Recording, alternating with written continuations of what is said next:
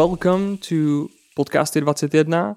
Um, this is the first episode entirely in English, but I promise there will be a translation, and it is with great pleasure to introduce Nadine Strossen, um, professor at the New York Law School and uh, former head of ACLU. Am I right? You you were the head, yes, right?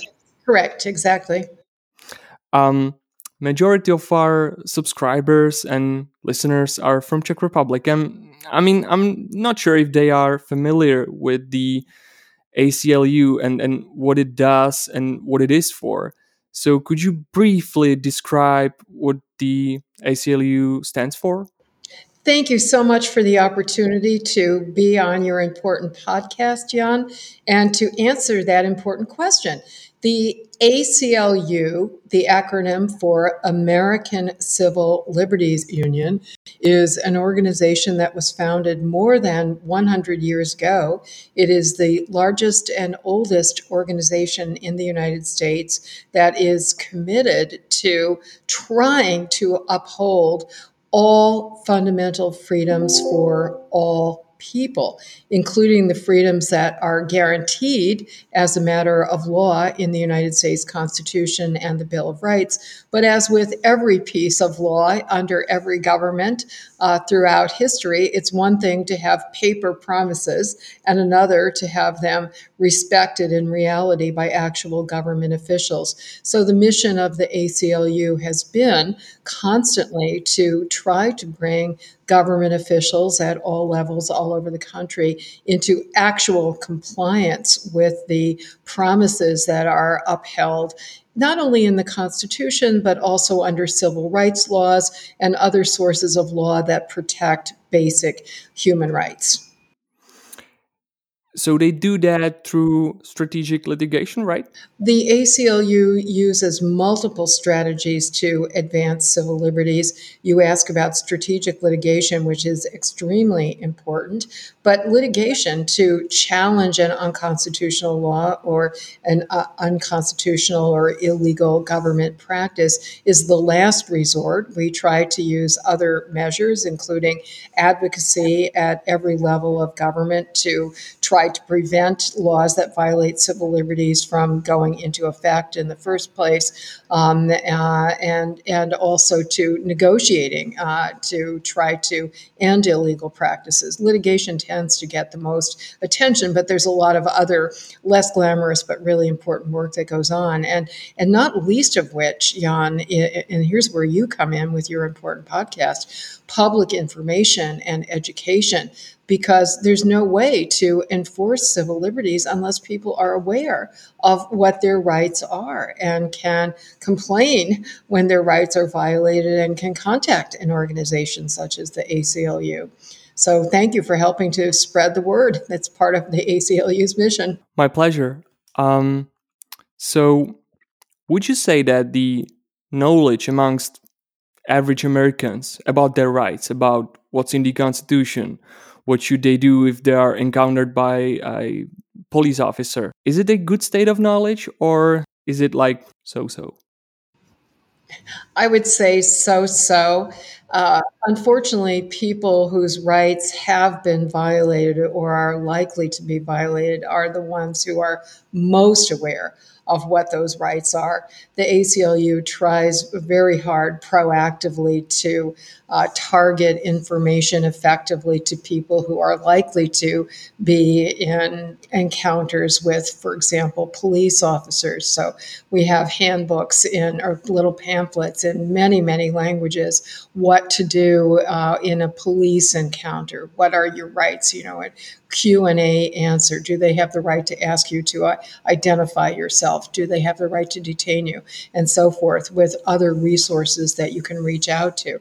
Uh, but public opinion surveys consistently show that most Americans, uh, I should say, most people in the United States, uh, unfortunately are woefully ignorant of basic facts of government, including, you know, the three branches of the federal government. And most cannot even name a single right in the Bill of Rights. The one, the one that is the best known by the way, is freedom of speech. So that seems to have, um, it's like we use a phrase as American as apple pie. It's something that is really associated with the national identity and in which most people take justifiable pride but when it comes down to the details of what exactly is free speech, then there's a tremendous amount of ignorance, including on the part of government officials, journalists, and others who should know better. So, for example, with all of the controversies in the recent past about speech that is demonized as, as so called hate speech, um, I put that in, in quotation marks to underscore that it is not a legal term of art in our legal system or any other legal system, but people sling the term about for any idea that they consider to be hateful, especially toward groups of people who have traditionally been marginalized. But, um, you know, increasingly the term is used to demonize political viewpoints on issues of public policy with which they disagree. And, you know, so even the name of Donald Trump has been denounced as hate speech on some college campuses. Um, some right wing activists, including some government officials, have denounced advocacy of Black Lives Matter as hate speech, saying that is uh, uh, hate speech against police officers and against white people. And, and, and, and many government officials have, and journalists have just issued this uh, uh statement hate speech is not free speech. The Constitution does not protect hate speech. Nothing could be further from the truth. So, bottom line answer there's too much ignorance, and a, therefore, a very big prerequisite for actually enforcing rights is making sure people understand what the rights actually are, how far they extend. Hmm. Um, you mentioned university campuses. Mm. Um, is a campus the place where, uh, you know, the movement against hate speech and then uh, so-called cancel culture where it started? It, it, you would have to ask cultural anthropologists and sociologists that question, Jan. I, I can be, I'm a superficial observer. And from what I have read by those who have tried in a more social, scientifically rigorous way to answer that very important question, um, they say that these problems start even much earlier, mm-hmm. including in earlier levels of education. That a lot of students are coming into college already being woefully ignorant of free speech principles at best, hostile toward them at worst. So it's not that they're getting indoctrinated with anti free speech views in college, but they've already been acculturated. That to me is consistent with the facts uh, that I summarized in response to your prior question that people at every age uh, and at every educational level in this country are woefully ignorant of basic aspects of the government, including civil liberties, and um, and and also very ignorant of the history that gave rise to the strong protection of free speech that we have had in reality only since the mid 20th century. You know, a lot of people now will make you know sloganeering statements denouncing free speech such as you know freedom of speech belongs only to those who are powerful free speech is used to further oppress and marginalize groups who are already oppressed and marginalized. And they are amazed to learn that the strong free speech that we now enjoy in the United States is really a product of the civil rights movement. That we had a Supreme Court in the mid 1960s, in the mid 20th century, uh, including the 1960s, that was very supportive of the civil rights movement. And toward that end, issued a series of strong speech protective decisions, the vast majority of which were in the context of cases in which the attempted free speech of civil rights demonstrators was censored. And so we, you know, that movement could not have gotten off the ground were it not for the very strong protection of free speech that we now have. The same is true for every other movement for human rights and social justice, including LGBTQ rights, mm-hmm. women's rights, um, you name it. And once people understand that basic reality and understand the logical connection that in a democratic republic where the majority gets to make most policy decisions and elected officials are accountable to the majority of their constituents, it's minority groups, whether political dissidents or ethnic or racial or other demographic minorities, that are the ones that need free speech, need to have the right to protest in order to advocate for uh, fair and equal and just treatment. So, you know, I have found that a little bit of, you know, here's as an activist, I'm a congenital optimist. I've got a glass here. I see the glass half full. I always see the glass half full. Um, so the, the, the positive side of all of this ignorance about free speech and the history that gave rise to it is that a little bit of information can go a long way in improving people's support for once the, you know i am absolutely convinced the more you know about free speech the more it makes sense to you the more supportive you are going to be about it of, of it mm-hmm. um, when i talk to people about freedom of speech there's always right right i'm i'm 100% for freedom of speech but. But! There's always but and it's not always it's not a but. single but. There are many buts because there are in some people's opinions there should be uh, exceptions right? And i wonder it's a recent case uh, uh, connected with the aggression of, of uh, russia in ukraine. Um, there are some web pages, even politicians, who are sharing basically Russian propaganda, I would say. Where is the line between their freedom of speech and information that would actually mislead the public opinion? First, if I may comment on your excellent general point, I, I knew exactly what you were going to say because it has been my experience throughout my many, many decades and many specific issues. And most people will say, will say, I only want to make one exception right. for the speech that I consider uniquely dangerous. But you're exactly right that every single person has a different exception. And if you add them all together, they swallow the rule of free speech. So, why should there not be an exception for uh, misleading propaganda that would is designed to advance? Um, uh, unjustified aggression that is likely constituting war crimes and crimes against humanity. Uh, it's a complicated answer, Jan, because it requires me to explain that some false speech is appropriately not protected. Some speech that can have harmful adverse consequences, including to, certainly to individual lives or to national security, is appropriately not protected.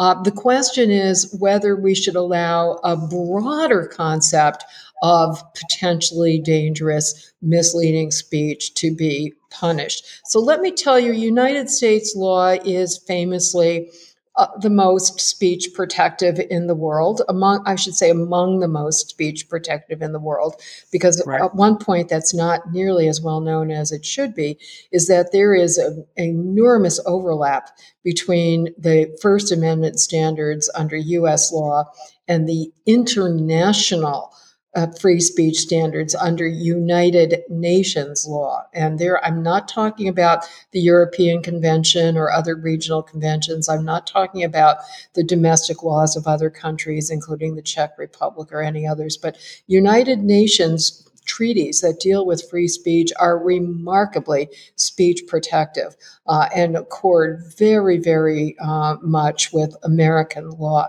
Uh, we may want to come back to that point, but I, everything I'm going to tell you is essentially true under UN law as well as, as US law. Uh, and by the way, I should say that the UN treaties in question, um, uh, uh, uh, virtually every country in the world is a party to these treaties. So we're talking about the only truly global uh, legal system. And basically, the it's complicated so i have to oversimplify a little bit but the basic principle is often referred to as the emergency principle. Speech may be restricted in the appropriately narrow circumstances when it directly threatens imminent specific serious harm.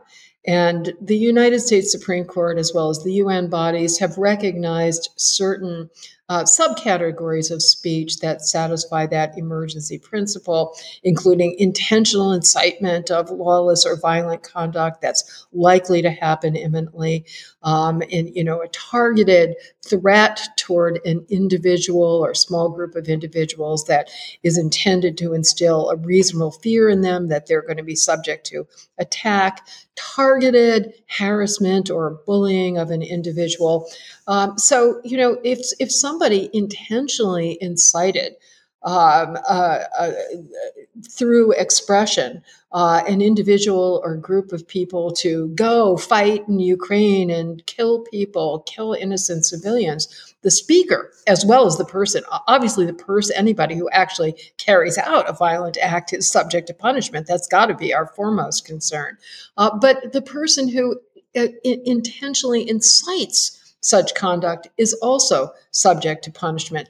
Uh, another category that of, of speech that co- directly causes harm that would be uh, punishable, consistent with the emergency principle, is defamation. This gets to the, the false uh, information or fraudulent speech, speech that is not only false, but it's intentionally, knowingly false and it directly causes certain specific demonstrable harm. So, fraud, somebody relies on it to his or her financial detriment, and that's what the speaker intended.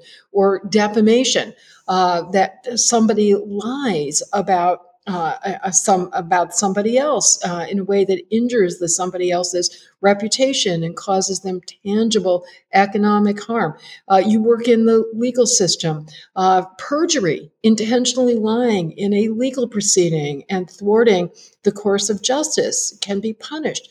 But when you get beyond these narrowly defined um, uh, where there's a speaker's intent and a direct connection to harm, and and and it has to be demonstrably false or at least in recklessly false. And you have these looser concepts of misleading, disinformation, misinformation, fake news. It becomes completely subjective. One person's disinformation is somebody else's cherished truth. And, and more importantly, we see that most matters that are attempted to be suppressed or that people call for suppressing under these epithets are not matters of straightforward, verifiable, or falsifiable fact, right? They are matters of interpretation, analysis, opinion, and therefore should be subject to discussion and debate. And while it is true that much false and misleading information that doesn't satisfy any of the standards of punishable speech, it can cause great harm. I would never deny that. But I always ask the question, more importantly, the legal system asks the question, uh, but how, what is the potential harm of that looser category of disinformation versus what is the potential harm of giving the government this broad subjective power to decide which misleading and potentially harmful information should be punished. It's one thing for us to sling about the term propaganda, but you know, governments can use that term to smear any speech that is critical of their preferred policies. And they do use that term.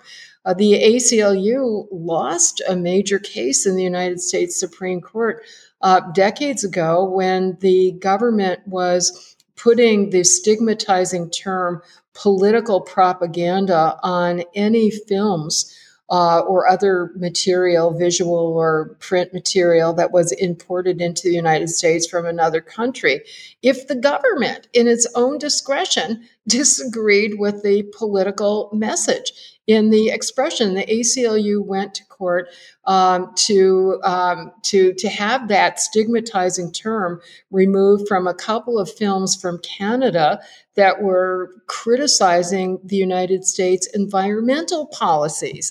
And so our government puts a stamp on it. This is political propaganda.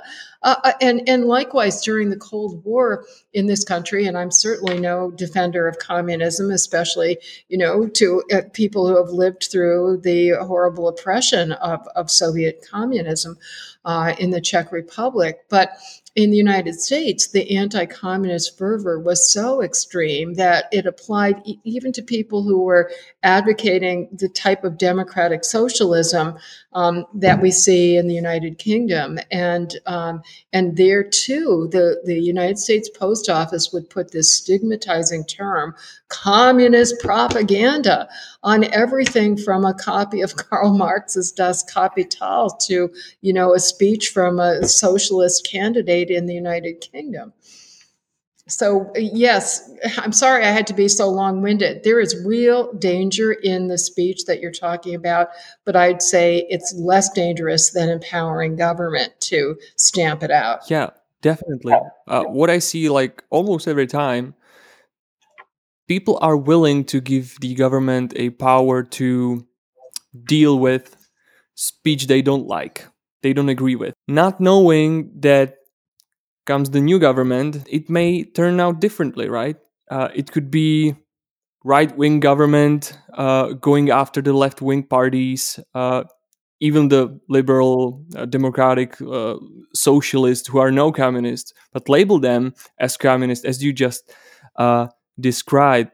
But in regards to the Czech Republic, what's interesting, and I don't know if you knew that, but after the fall of communism, the Communist Party was still going on until last year in the election.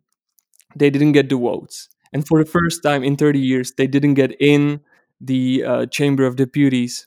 So a lot of people were celebrating that. It was the last thing to, to deal with. I hadn't realized that, Jan, and it's definitely worthy of celebration. But yeah. I think it's also wonderful that your country did not do what others have done, or at least been tempted Banning to do, them, which right? is to outlaw the party, right? Yes, yes. Almost every time I uh, like at the university, I debated with people who said, "Well, we should have banned them back in the '90s," and I always said, "Right, but would you recognize them? If they weren't labeled as communist and would label them as I don't know Democratic Party mm-hmm. of mm-hmm. Polar Bears, mm-hmm. uh, and they said no, we wouldn't. I said exactly, mm-hmm. that's the mm-hmm. case. You know, it's risky. Democracy is risky, but I think anything else is even riskier. Right right? If, if you're uh, majorities, as we know throughout history and to this day, will continue to exercise their majoritarian power to the disadvantage of minorities and dissidents. But what's the alternative? I don't want to be governed by less than a majority, uh, right. let alone by a single individual. Which brings us that's that's the big problem with with big tech. You know, we have Elon Musk with all of his professions of commitment to free speech. I, I don't think that the freedom of speech of so many people in the world uh, and so many political systems where Twitter is such an important platform uh, should depend on the personal preferences of one person. Right. Uh, this was something I wanted to ask about. Um, with regards to the freedom of speech, in our country, some politicians say, well, there's cancel culture, um, there's censorship, and we want to publish what we want uh, at those uh, at those social media platforms. And i wonder because it's you know it's it's a, a private entity and they have their terms and conditions and so is there a plausible claim for people to say that they have their right have facebook or twitter account and to publish what they want on certain uh, private platform another complicated and extremely important question under US law, the First Amendment guarantee of free speech only applies to government entities. So I have, as an individual, I have no First Amendment rights against any private sector actor, whether it's you as a podcaster. I had no right to be on your podcast. That's a privilege. It's not a right. I have no right to have my op ed pu- published in the New York Times. Uh, I have no right to be on, on Facebook or Twitter. Uh, to the contrary, all of you uh, engaging in communications have your own First Amendment free speech rights to decide what speakers you will air and what views you will air and which you will not. So, as a strictly legal matter, the free speech rights are on the side of the platform, not on the side of those who want to use the platform either to purvey ideas and information or to receive ideas and information. That said, as a practical matter, we are not going to have any meaningful free speech either as individuals or as citizens of democratic republics unless we can have fair and meaningful access to these dominant platforms which you know for all practical purposes if you can't get your message out there it is not going to be heard. And if you're trying to run for office or you know organize for a cause you are not going to get very far if you are deplatformed. You know unless you're Donald Trump and he is so wealthy and so well connected that he has the resources to start his own platform or to uh, get platforms on Fox News or others who right. are sympathetic to him. But if you're, you know, organizing, trying to organize a new movement like, you know, Black Lives Matter, which did not take off until it did have access to social media,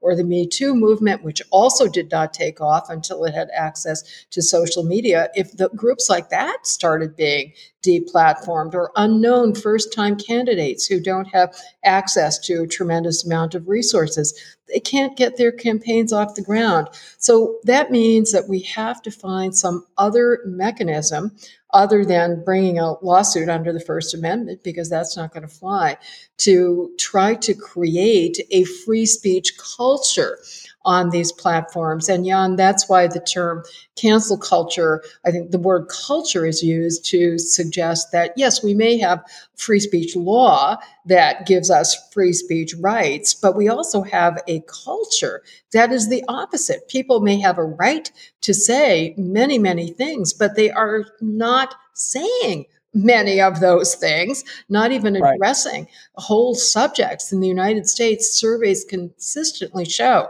that people all across the political spectrum, every demographic group, on campus, off campus, at work, in the public sphere, are just not expressing their views on the hot button issues which are in our country are the really important issues about issues relating to race and to police practices and to gender and to sexual orientation, gender identity, uh, not for fear that the government is going to punish them. No, the government couldn't punish them. The First Amendment is there, but for fear that they are either going to be kicked off social media platforms or they're going to be ostracized and stigmatized in their communities, on campus, or at work, or worse yet, they're going to be drummed out of their jobs or you know shunned at restaurants or uh, exiled from their, their their peer groups. And that is very problematic because if free speech only exists in theory but people are not exercising it in reality, that means we don't have meaningful liberty or equality or democracy. And we have to find some solutions for this, not only in terms of the policies that govern social media platforms, but also just in terms of the, the culture and the climate that we create um, in our society generally, starting with campuses.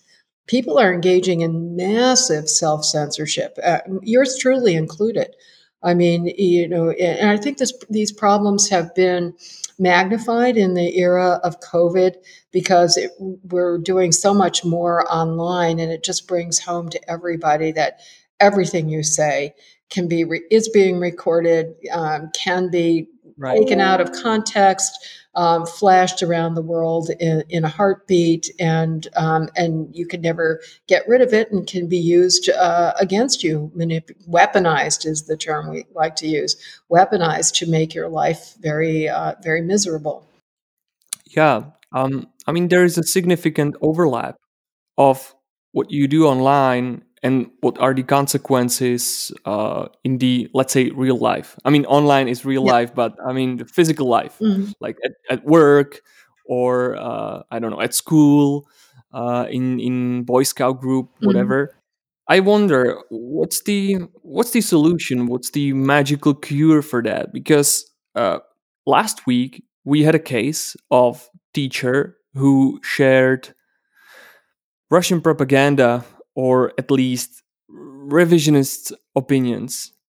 And I'm not sure if she's already fired, but it was promised that she would be fired for expressing uh, her opinions at a class.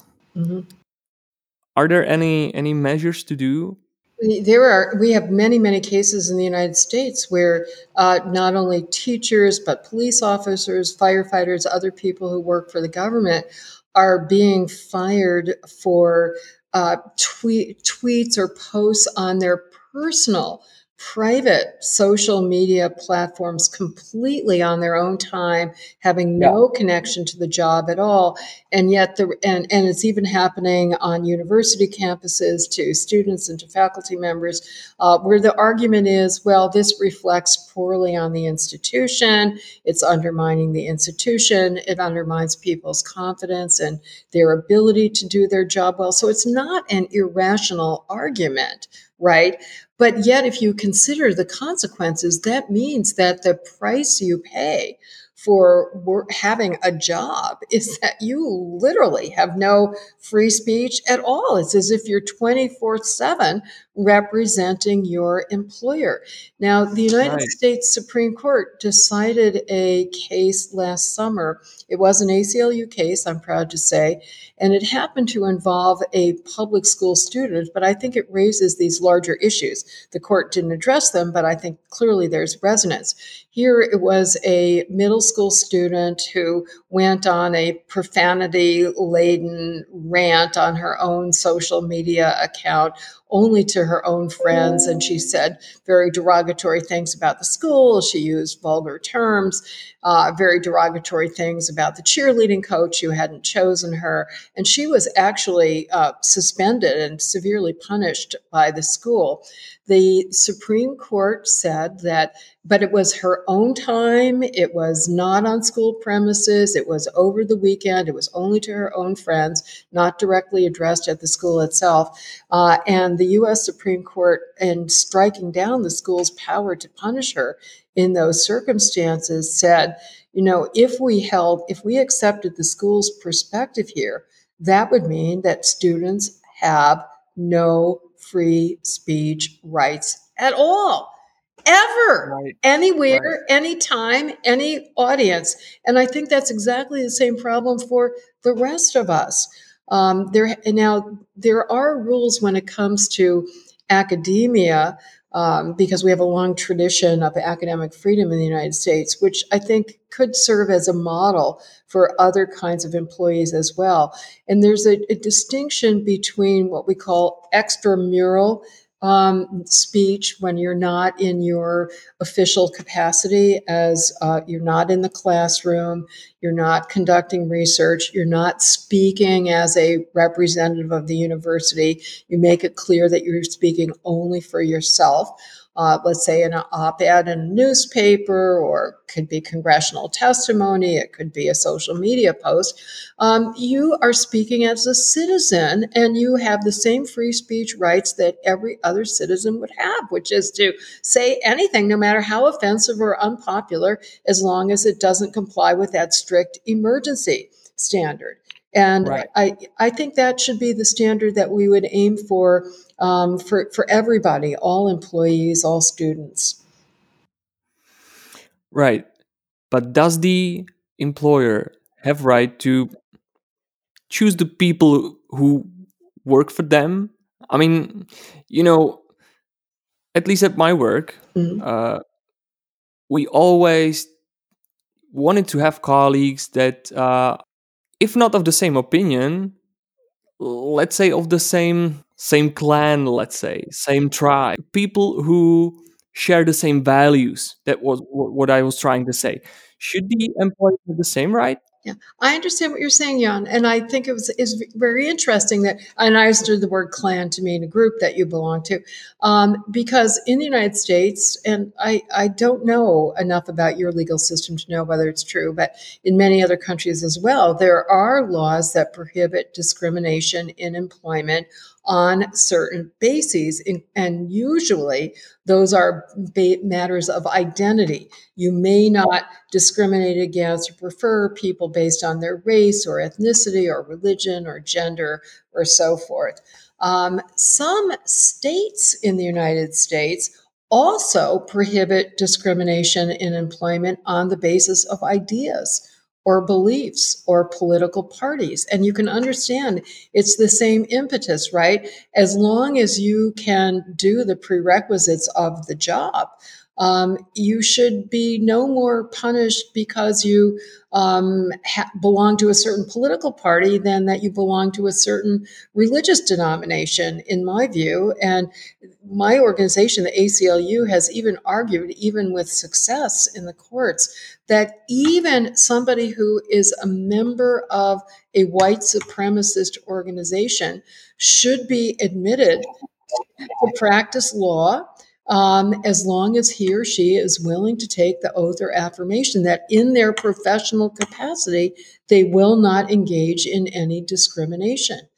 Uh, and I know it's we human beings are subject to so many cognitive biases of which we're unaware. So it's impossible for any of us to put aside any of our bias as hard as we try. Uh, or maybe it's not impossible, but it's hard. Um, uh, so that's an ideal. But I think it's the ideal toward which we should strive that. Um, we can act in a professional capacity in a way that respects professional norms, including norms of treating all people equally, regardless of who they are and regardless of what they believe. Um, and then it shouldn't matter if we have what our own beliefs are or identities are and how we express them outside of our professional capacities. Now, obviously, there are you know matters of degree here.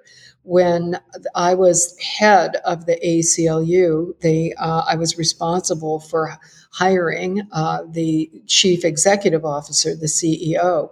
Uh, I was essentially the chair of the board, and the board hired the CEO who reported to us. Now, that is such a significant position that if that person went on a national TV program and, and made a racist statement and said, I'm only speaking for myself, not the ACLU, that would not be sufficient because he would be so deeply identified with the ACLU um, that it would undermine the organization's mission and we would be justified in firing him. So, to some extent, when you take a really responsible position, you do forfeit some of your individual free speech rights. You know, you're always going to be identified with the employer. But let me give you another example because I'm asked about it all the time. The ACLU, uh, over the recent past, has had some individuals who are not in trivial positions. They're senior staff lawyers, and they post tweets that are their own personal opinions that are completely inconsistent with um, important ACLU positions and we take a lot of flack for that. You know you know is the aclu backtracking on its mission? Because here's your staff lawyer. Let me give you one example that got a lot of publicity. Uh, a very prominent lawyer who um, specializes in trans issues uh, was very opposed to the ideas in a certain book about trans issues and issued a tweet that was you know went, went viral and got picked up in a lot of other media saying you know i would go to battle to know, make sure that book is suppressed, which is, of course, completely inconsistent with the ACLU's principles.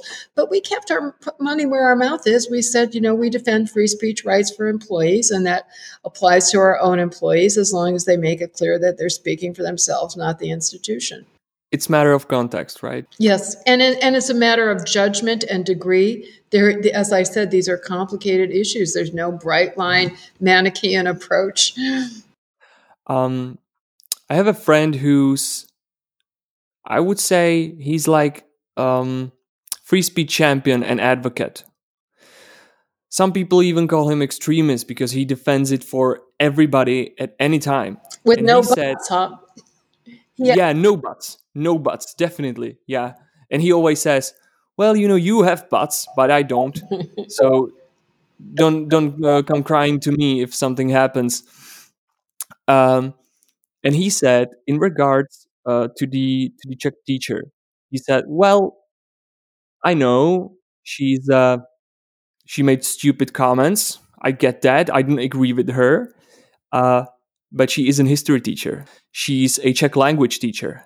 So I'm more concerned about uh, dotting every I and crossing every T in in her classroom than commenting on uh, on uh, international policy issues. Yeah, they, I, and I've to me a really important contextual fact would be: Did she make that statement in her classroom? Because my position would be, and more importantly, the position. Oh, yeah, she did it was in the classroom because the position, yeah. even not only of the U.S. Supreme Court, but the American Association of University Professors, which is the academic freedom group that's even older than the ACLU, um, the position, I think, quite rightly, is that in your professional capacity, you have a responsibility not to make remarks that are ungermane to the subject you were teaching. So I would say, whatever she said about the uh, Ukrainian situation, whether it's pro Russian, whether it's anti Russian, is equally ungermane to her subject matter. And that was a dereliction of duty.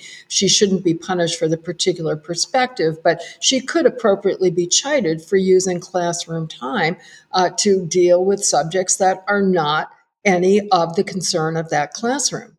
That's what I thought, and I think this was the actual reason for for firing her, not her opinion. I think firing is a pretty is a pretty severe discipline. It might be a disproportionate oh, yeah. punishment for that infraction.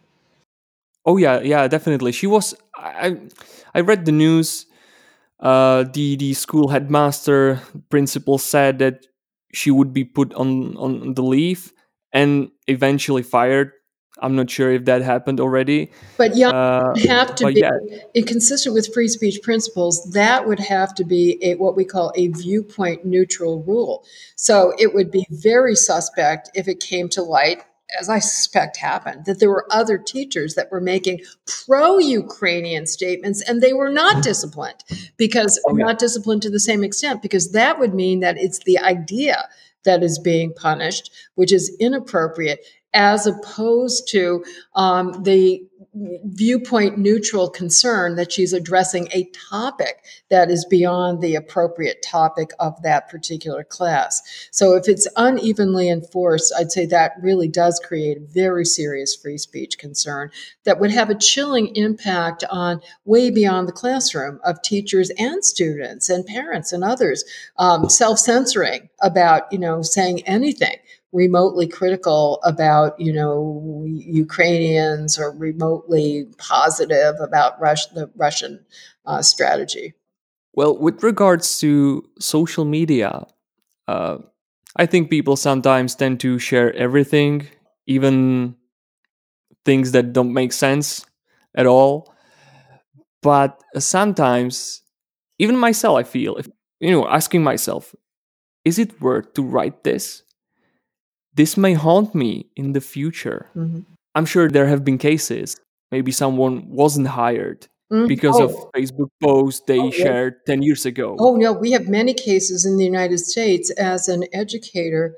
Uh, and somebody who has always been in favor of, you know, a classic liberal in the United States, uh, uh, political liberal, I've always been in favor of restorative and rehabilitative approach, even to people who commit violent crimes. And that's a movement that finally has taken root in the United States in the recent past all across the political spectrum, people are recognizing that we have been much too harshly punitive and um, we have this mass incarceration, and that even oh, yeah. somebody who's convicted of a violent felony, including homicide, we should give that person another chance. That, you know, the punitive approach is not going to do anything to make them better people, um, to make them constructive members of our society, but it's just, if anything, going to uh, make them even more alienated and, and and potentially, you know, more antisocial when they come out of prison. So it seems to me that if we have that kind of attitude, educative, restorative attitude, forgiving attitude toward even violent criminals, why in the world do we have this completely harsh um, unforgiving attitude toward, uh, uh, you know, even an unintentionally offensive remark, especially when it was made years ago, um, especially when the person was very young. You look at their overall record since then, it's not at all reflective of who they are or what they've done.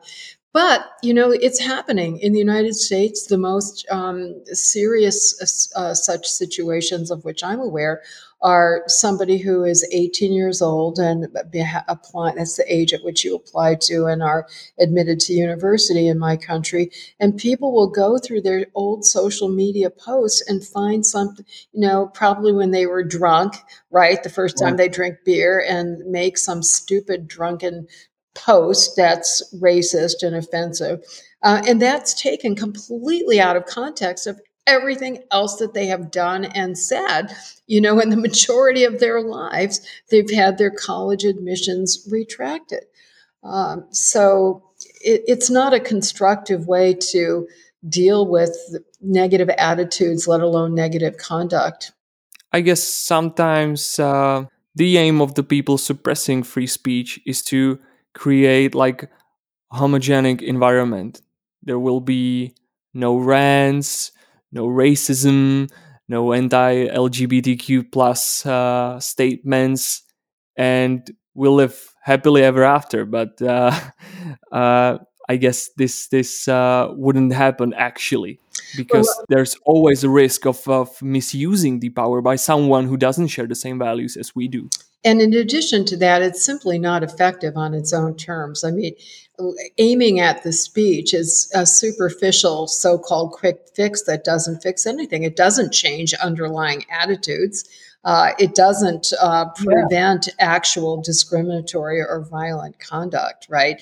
Uh, and mm-hmm. too many people uh, aim at words just in a symbolic fashion. Words are, after all, symbols, and it's a way of signaling their own, you know, we use the term virtue signaling, uh, that it does much less good for er- eradicating actual discriminatory action. That was one of the main points that was made in a wonderful book that came out a few months ago by John McWhorter uh, about woke anti racism. John is himself uh, Black uh, and very committed to civil rights. And one of the reasons he dislikes all of the emphasis on, on performative, um, symbolic gestures is that it's deflecting attention and resources from doing anything. Meaning, you know, so what does one censorship incident do for one?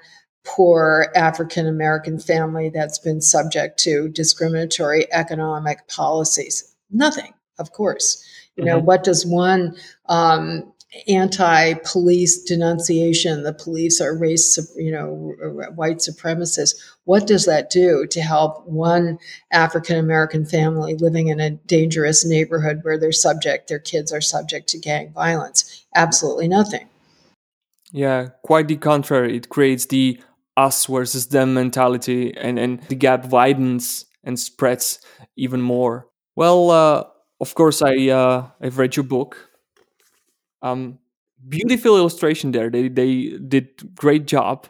I mean, I I had the Kindle version in in English, and then I, I bought this uh, Czech copy, and uh, I was going home in tram and looking at the paper, and I wanted to smell it, but I was afraid to do that in front of the people. you mentioned Holocaust and the the Holocaust deniers and uh, revisionists, let's say. And so what I was thinking about was, right, let them say that. Uh, let's fight their their thoughts with our thoughts. but there's always a but, right? Uh, it's exhausting to do that for like the 130th time. And so uh, it never stops, right? It's, I'm smiling because for me, it's probably like the 130,000th time. you know, uh, the, the chief founder of the ACLU more than 100 years ago said, No fight for civil liberties ever stays won.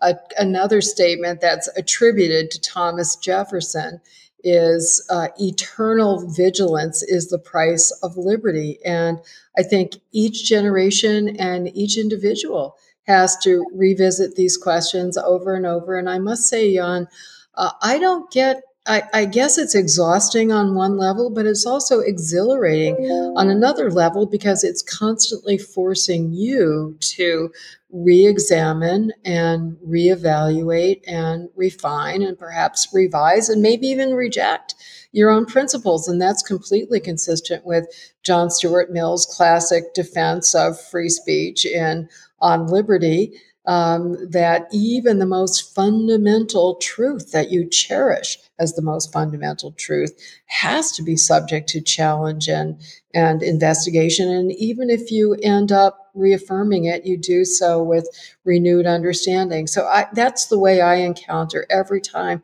I'm asked a question. I treat it as a fresh opportunity to deepen my own understanding.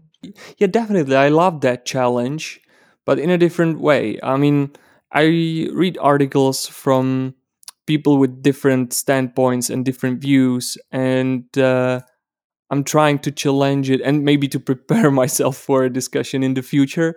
But comes the discussion live with someone who would deny Holocaust, who would deny the uh, Russian aggression, saying it's not the war, saying uh, Ukraine actually did did it, or NATO did it, or United States did it. I'm, I'm exhausted. Mm-hmm. I mean, one example of my uncle mm-hmm. who we were discussing nothing even remotely connected to 9-11 mm-hmm. and he started mm-hmm. about the cia mm-hmm. how it actually plotted you know against the towers and it was their job and mm-hmm. he was he was that serious and uh you know I, I told him there's no evidence to support that claim and it's it's it's not true and then i said look there were over 3000 people dead mm-hmm. uh, at the uh, at the at the crash uh, and so how would you explain that mm-hmm. and he said i mean i kid you not he said those people are made up mm-hmm. mm-hmm. and i said to him well look i've been to that place i uh, remember ground zero and the names they are engraved there I mean, uh, you know, first coming to the ground 0 mm-hmm. it's uh, it's chilling. Yeah. Right. And he still maintained mm-hmm. uh, mm-hmm. his opinion about that, and then this kind of conversation actually, for me, also has a chilling effect because yeah. every time we meet, yeah. I'm trying to avoid that anything that could be yeah. political. Yeah, you know, it's a really um, challenging question, and there are going to be certain individuals um, whose views are is, are just unshakable. It's a matter of faith, right, rather than, than reason, and you can't argue with it.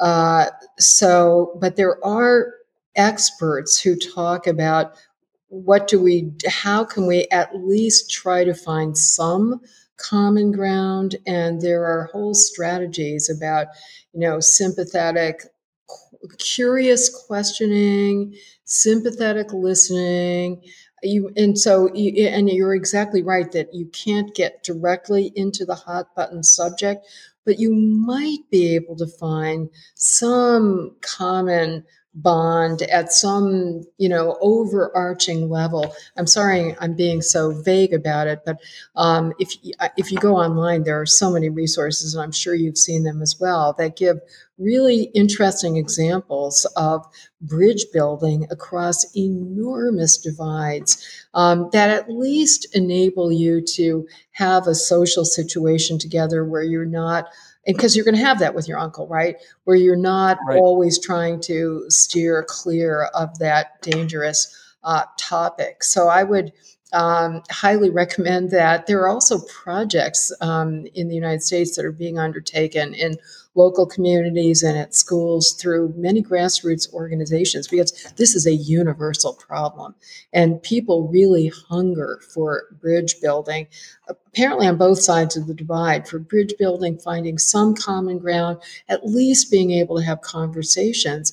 Um, and so there are one project that I read about recently um, was called the moonshot because they were using the example of Neil Armstrong, the first man on the moon, who famously said, you know, one small step for man, one giant step for mankind. And so the theory was that it's a small step to have two people come together and have a conversation. But if you multiply it by two uh, you know all over the community all over the country all over the world that it can help to transform our culture. And the techniques that they were using was to find something that people had they were deliberately pairing people who had strong strong disagreements on particular hot button issues but who had something else that they had in common. Now, with your uncle, obviously, there's some family stuff that you have in common. And yes, then giving them steps about how to ask a question, how to listen to the question, how to show that you listened to the answer, how to take the next step, which is not to challenge it, but to say something like, why do you feel that way? You know and the questions are all you know not what you and i as as advocates would say. They're framed much more in therapeutic ways. You know like why do you feel that way? And did you have some experience that you know makes you feel that way? And it's probably even formulated even less challengingly than that. It takes incredible patience. You say it's exhausting. There that's i understand that to me, that granular level of patience. Uh, but that's what it takes to nurture individual relationships with family members and friends, right? And people are yeah. saying that we've lost that ability, um, that it's waned as a result of all the online and the reduction of in person interaction. Yeah, but it starts there in the family and the close circle of your of your closest friends. Um, one last question Is there something beyond your book, which I, I highly recommend? It's great read. Is there something you would recommend people to read to further themselves in the topic? Uh, yes. Uh, my friend Jacob uh, Mchangama has written a wonderful book that came out earlier this year uh, about the whole history of free speech, starting with ancient times uh, through social media. And uh, I believe that IH 2021 is also going to be translating his book into Czech and bringing him to the Czech Republic to do some talks about it. Um, because I think what's really interesting, Jan, is to see that these questions are they're very timely they're very current, but they are also timeless. And you know, you talk about the same arguments over and over. The same arguments in favor of censorship have been made immemorially in every factual context, in every historic period all over the world, and the same arguments against have been made. But you know, when you the more different factual and historical contexts you see, the more it, it enables you to appreciate um, the threats that we're facing today and to also understand that you know what what the censors think are new dangers that are presented by free free speech go back to the printing press and beyond. Right. Very you read Jacob quotes some of the denunciations that were made of speech that's available through the printing press and you would if you didn't know that was the historical context, you would think somebody was talking about social media because you know it's about disinformation and misinformation and hateful speech and extremist speech. Um, and so that's it's really fascinating. And for those who don't have the patience uh, to read a long book um, or who want to supplement it, he did a series, a fabulous series of podcasts. Um, that then became the basis for the book. And the podcasts, um, great listening. Uh, they are available on the website of FIRE, the Foundation uh, for Individual Rights in Education. Right. I was just thinking that Francis Fukuyama was not right and the history actually repeats itself. It, it's never ended. It's just vicious circle and we're coming back and back at the same place. Uh, right? Uh, nadine it was great talking to you. Thank you so much for having me and for your great questions and your wonderful podcast. Thank you. Goodbye. Take care. Bye bye